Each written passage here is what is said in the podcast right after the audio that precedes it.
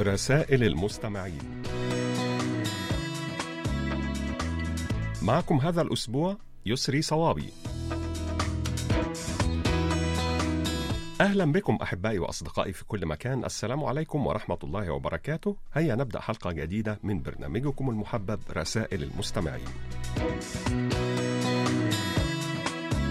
وفي البداية نشكركم أيها الأصدقاء الأعزاء على تعليقاتكم حول الموضوع الذي طرحناه الأسبوع الماضي وهو هل يمكن أن تحل الحروب المشاكل بين الدول؟ ومتى تكون الحروب هي الحل الذي لا مفر منه؟ وسوف نستعرض خلال هذه الحلقة بعض الردود التي جاءت إلينا على صفحتنا على فيسبوك.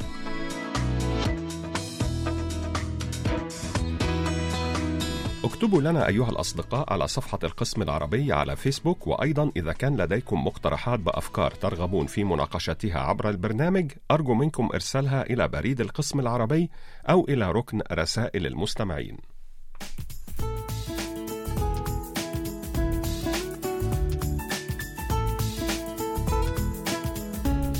ونبدأ أحبائي مع الصديقة المخلصة والراصدة الرسمية أوج شيماء من العاصمة العراقية بغداد وقد أرسلت إلينا تهنئة بمناسبة اليوم العالمي للإذاعة تقول فيها رغم تقدم وسائل الإعلام يبقى سحر الصوت عبر أثير الإذاعة له وقع خاص في جذب الجمهور. والحديث عن تاريخ الإذاعات طويل ومليء بالذكريات والأحداث. وقد اعتمدت اليونسكو يوم الثالث عشر من كل عام يوما للإذاعة لتعزيز التواصل بين مختلف المجتمعات وترسيخ التفاهم والتدفق الحر للأفكار. فكل عام وال KBS بكل خير ودامت أيامكم أفراحا والمزيد من التقدم والازدهار.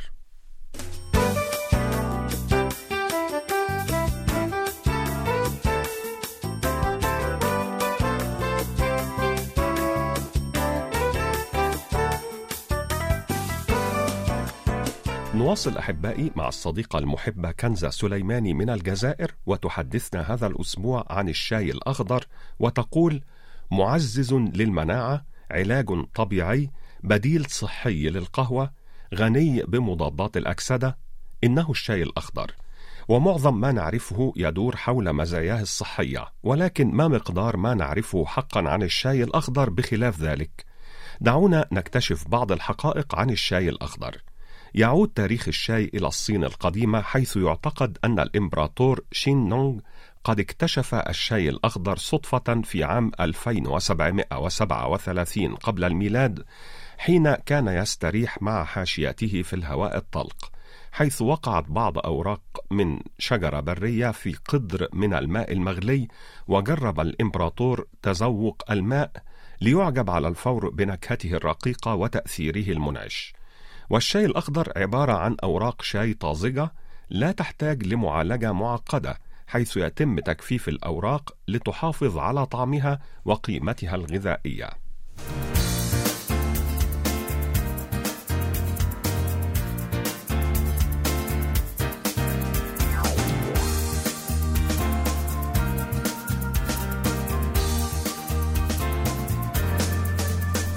معنا الآن مساهمة من صديقنا العزيز محمد السيد عبد الرحيم وعنوانه شارع الشوشة مركز الحسينية الرقم البريدي 44654 محافظة الشرقية جمهورية مصر العربية. وتحت عنوان نصيحة من لقمان الحكيم لابنه كتب يقول يا بني لا تطلب العلم لتباهي به العلماء وتماري به السفهاء أو ترائي به في المجالس ولا تدع العلم زهادة فيه ورغبة في الجهالة فإذا رأيت قوما يذكرون الله فاجلس معهم فإن تك عالما ينفعك علمك وإن تك جاهلا يعلموك.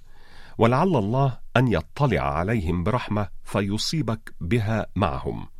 يا بني كذب من قال إن الشر بالشر يطفأ فإذا كان صادقا فليوقد نارين ولينظر هل تطفئ إحداهما الأخرى.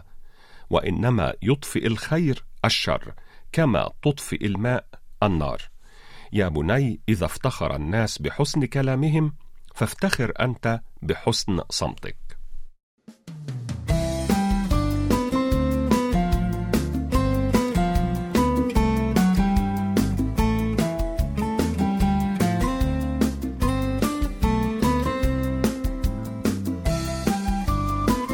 الصديق الدائم بإذن الله محمد بودوخة عنوانه صندوق بريد 98 العلمة 19600 ولاية سطيف الجمهورية الجزائرية أرسل إلينا مساهمة حول أصل تسمية بعض الولايات في الجمهورية الجزائرية ويقول عنابة نسبة لأشجار العناب التي كانت منتشرة بكثرة هناك. أدرار أصلها أذرار ومعناها الجبال. سوق هراس أصلها سوق وهراس ومعناها سوق الأسد. تسم سيلت تسم معناها غروب وسلت الشمس أي غروب الشمس.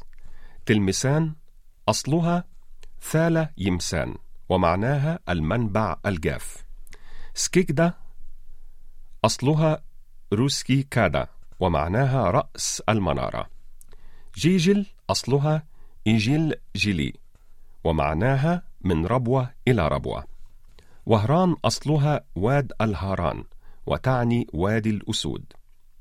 بجاية نسبة إلى قبيلة بقاية وسماها الفرنسيون بوجي كونها كالشمعة في الجمال. جليزان أصلها إيجل يزان ومعناها السهل المحترق. خنشلة أو هنسلة هي اختصار لكلمة سلام في اللغات القديمة. عين مليلة أو تمليلت وتعني الأرض البيضاء المالحة.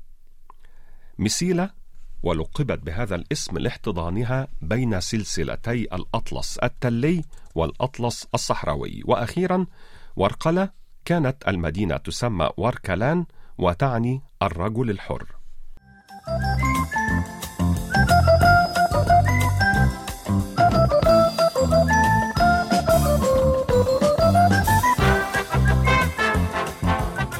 شكرا جزيلا لك يا صديقنا العزيز محمد بودوخة من الجزائر ونهديك ولكل الأصدقاء الأعزاء هذه الأغنية الكورية اللطيفة بعنوان Rollin' لفرقة Brave Girls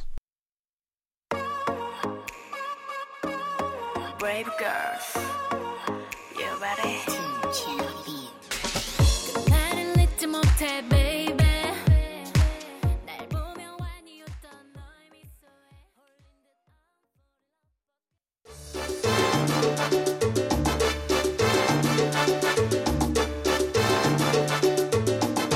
الآن إليكم أحبائي وأصدقائي بعض الردود السريعة عن رسائلكم. أحبائي وأصدقائي أدعوكم جميعا لإرسال تسجيلاتكم الصوتية التي تحتوي على مساهمات أو كلمات كتبتموها بأنفسكم أو مقترحات أو أفكار تريدون توصيلها عبر البرنامج. ألف شكر لمستمعنا الوفي أبو علي مؤمن من الكاليتوس بالجزائر حيث يقول عند الرغبة بالانتقال من حالة حياتية حاضرة إلى أخرى مستقبلية قد تكون الفرصة تهديدا وقد يكون التهديد فرصة. فأحيانا يجب أن يسبق الفهم التصور وفي بعض الأحيان يجب أن يأتي الفهم بعد التصور الكلي.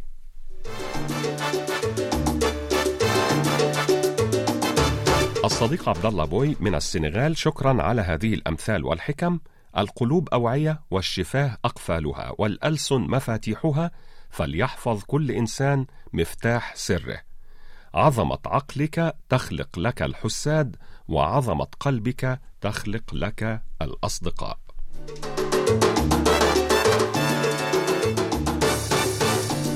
مشكورة يا صديقتنا المخلصة دوما. رسل عبد الوهاب من العراق على هذه الكلمات الجميلة.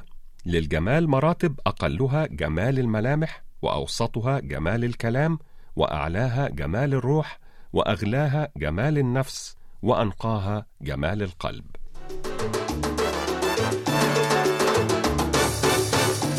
الشكر موصول للمحب على الدوام صديقنا العزيز علي بن شهرة من مدينة تيارد بالجزائر حيث يقول لا تبكي على شيء مضى بل اجعله درسا لك. واعلم أن الضربة التي لم تقتلك تزيدك من القوة ولا شيء يجعلك عظيما إلا ألم عظيم. وليس كل سقوط نهاية فسقوط المطر أجمل بداية.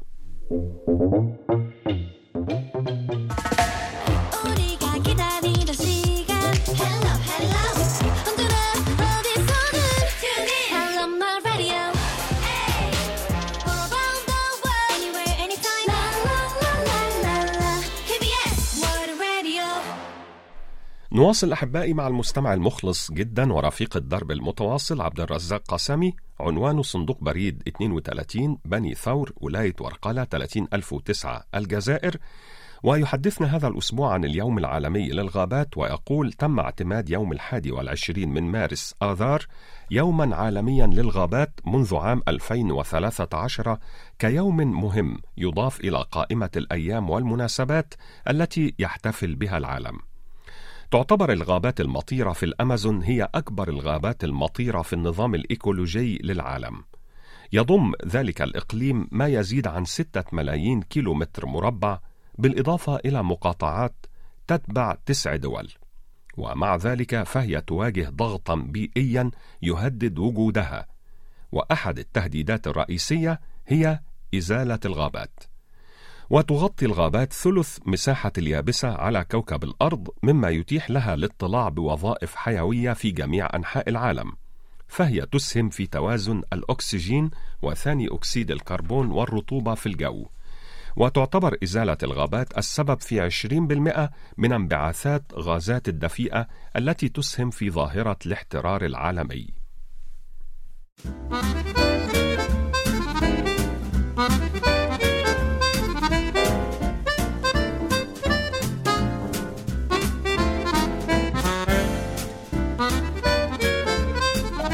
الخل الوفي إدريس بودينا وعنوانه بيتسبرغ الولايات المتحدة الأمريكية يواصل معنا مساهمته عن تأثير الألوان على الحالة النفسية ويقول: يملك اللون طاقة قوية بحيث ينشط أو يهدئ، يثير أو يسكن، يزعج أو يفرح، يوتر الأعصاب أو يرفع المعنويات، ويؤجج العاطفة أو يميتها. فمثلا اللون البرتقالي يعتبر من الألوان المبهجة ويكون محب هذا اللون ذوي شخصية اجتماعية من الدرجة الأولى.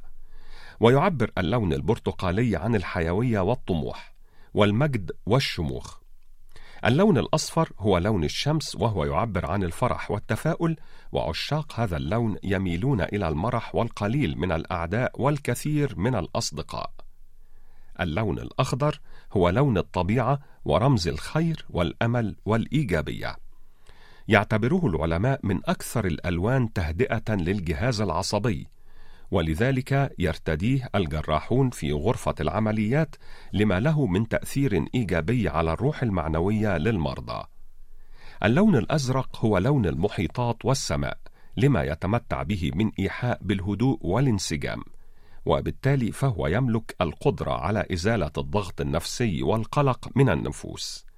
أخيرا اللون الأبيض يرمز إلى الصفاء والنقاء والشفافية والسلام.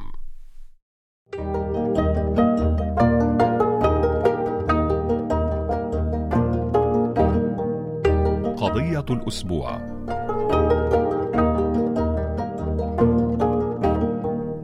وموضوعنا هذا الأسبوع هو هل يمكن أن تحل الحروب المشاكل بين الدول ومتى تكون الحرب هي الحل الذي لا مفر منه؟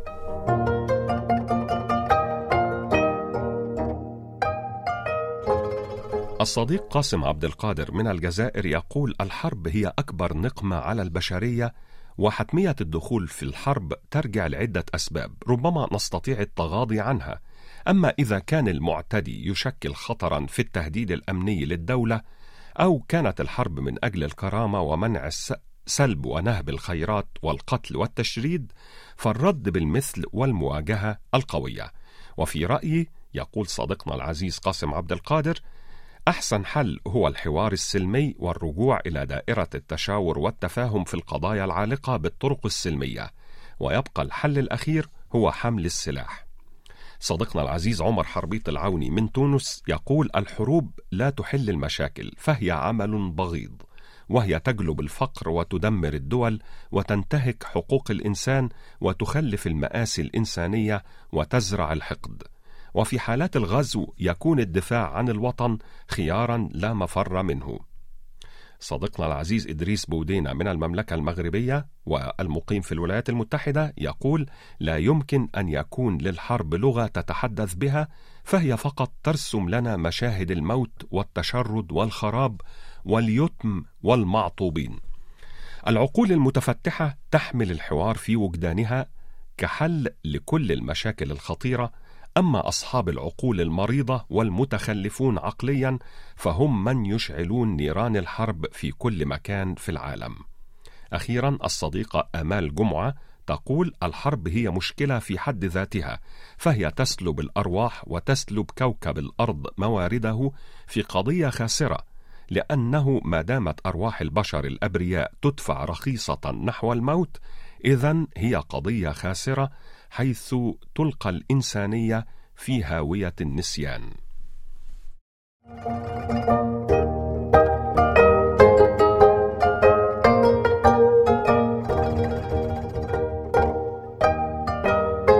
نشكركم أيها الأصدقاء الأعزاء على كل مشاركاتكم القيمة وننتظر منكم المزيد من المشاركات المفيدة والجميلة وسوف نواصل معكم بعد قليل نواصل أحبائي وأصدقائي مع صديقنا العزيز حمزاوي محمود حمزاوي وعنوانه جمهورية مصر العربية أسوان صندوق بريد 279 وهذه الطرائف التراثية.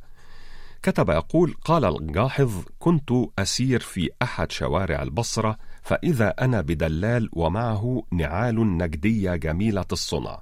فسألته عن ثمنها فقال الدلال بعشرة دراهم. فقلت له لو أن هذه النعال كان جلدها من جلد بقرة بني إسرائيل ما أخذتها بأكثر من درهم. فقال الدلال والله لو كانت دراهمك من دراهم أصحاب الكهف والرقيم ما أعطيتك إياها.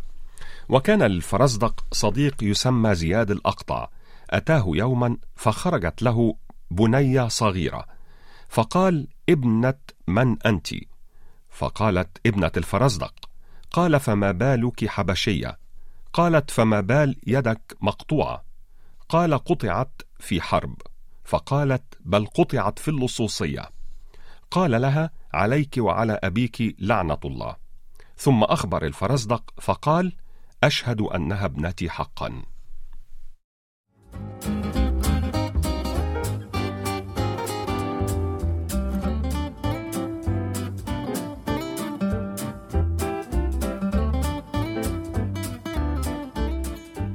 نختتم حلقة هذا الأسبوع أحبائي وأصدقائي مع مساهمة جميلة من الصديق العزيز عمر حربيط العوني من الجمهورية التونسية وقصة حقيقية. يقول قصة حقيقية مؤثرة حدثت في أرياف مدينة نفزة الجميلة التي تقع في الشمال الغربي من بلد تونس. وعنونتها بقصة بائعة الطابونة والطابونة هي فرن تقليدي يصنع من الطين. ويقول صاحب القصة كنت معلما أدرس في مدرسة ريفية في منطقة نفزة في ولاية باجة وفي كل يوم كنت أرى خارج القسم جانب الشباك بنتا مسكينة وجميلة تكسوها البراءة وتبيع الخبز لأمها في الصباح. وقد انقطعت عن التعليم هذه السنة بسبب الوضع المادي لأسرتها فهي يتيمة الأب ولديها أربعة إخوة صغار وفي أحد الأيام كنت أشرح درسا في الحساب وبائعة الخبز تتابعني من الشباك. فسألت سؤالا صعبا وخصصت له جائزة ولم يجب عنه أي تلميذ. وما لبثت أن تفاجأت بأن بائعة الخبز تجيب عنه إجابة صحيحة. ومنذ ذلك اليوم تكفلت برعايتها ومصاريفها من مرتبي القليل واتفقت مع مدير المدرسة أن يتم تسجيلها بالمدرسة وكانت المفاجأة في نهاية السنة أنها كانت الأولى. وظل الأمر كذلك حتى المرحلة الثانوية وبعدها انقطعت صلتها بي لمدة عشرين عاما. وفي يوم من الأيام وجدت امرأة تحدق بي بشوق ولم أعرفها وسألت صديقا عنها فقال إنها أستاذة بكلية الطب. وفجأة وبدون مقدمات جرت هذه المرأة نحوي واحتضنتني وهي تبكي بحرقة وتقول: ألا تتذكرني يا أستاذي؟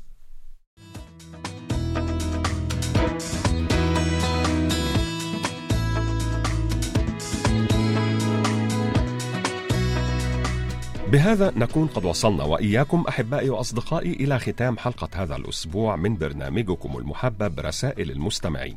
إن شاء الله نلتقي في مثل هذا الموعد الأسبوع القادم وحتى ذلك الحين إليكم تحيات مخرجة البرنامج قمر كيم يونغ وتحياتي يسري صوابي.